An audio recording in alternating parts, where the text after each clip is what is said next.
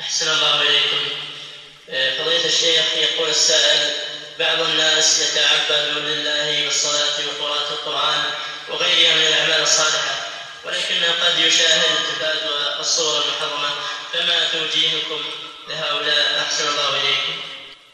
هذا المتعبد لله جل وعلا الذي يرجو ثواب الله عليه أن يحافظ على ما اكتسبه من من من أجور.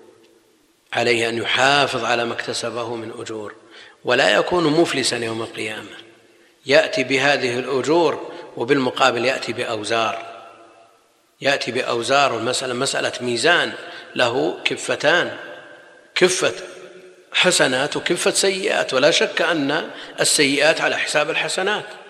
فمن عمل العمل الصالح يرجو ثوابه عليه أن يحافظ عليه ولا يكون مفلسا يوم القيامة يأتي بأعمال أمثال الجبال ثم بعد ذلك تذهب هباء منثورا يظلم الناس ويأكل أموالهم ويشتم الناس ويرتكب محرمات ثم بعد ذلك عند المقاصة لا يجد شيئا. فعلى المسلم الذي يتعب على هذه الحسنات أن يسعى على آه، دوامها وثباتها.